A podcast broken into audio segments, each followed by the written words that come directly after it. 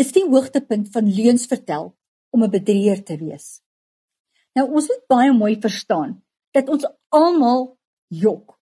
Of ons nou bewuslik met slegte intensies jok of dit is onbewuslik met baie goeie intensies ook 'n leuen vertel. Nou jy moet besef 'n leuen is as ek iets weerhou, is daai wit lintjie van dit gaan baie goed met my, maar eintlik gaan dit nie so goed met my nie. En natuurlik is dit die bladsy leuen wat daar uit is om mense te bedrieg. Maar ons jok net vir twee redes.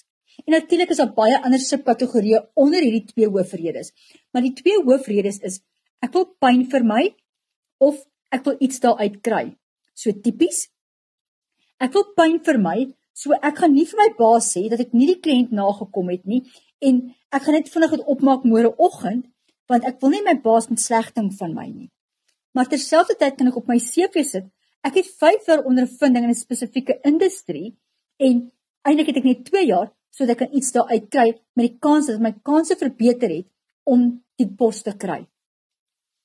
Nou, is dit die hoogtepunt van leuns vertel om 'n bedrieger bedrieger te wees.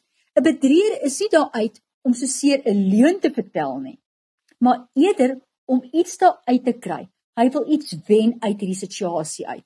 So gewoonlik gaan dit meer oor geldgierigheid En baie keer die ouens wat die professionele bedrieërs is, is gewoonlik narcissiste, sosiopats en ook 'n psigopaat. Nou as jy na daai goed begin kyk, dan kom jy agter maar die emosies is nie heeltemal daar nie. Die gewete is nie heeltemal in in in in die normale sfeer nie. En nou moet ons begin vra vra en sê put die bedrieër genot uit die leuen uit of put die bedrieër genot uit oor dit wat hy kan nou uitkry so tipies hierdie ehm um, beleggingsslenders wat ons so baie van hoor. Hulle is nie gepla om vir jou 'n leuen te vertel nie, want dit is nie sy hoogtepunt nie. Sy hoogtepunt is sy beloning wat hy gaan kry, die meer geld ensovoorts. So nee, die leuen vertel self is net deel van die proses om sy beloning te kry as sulks.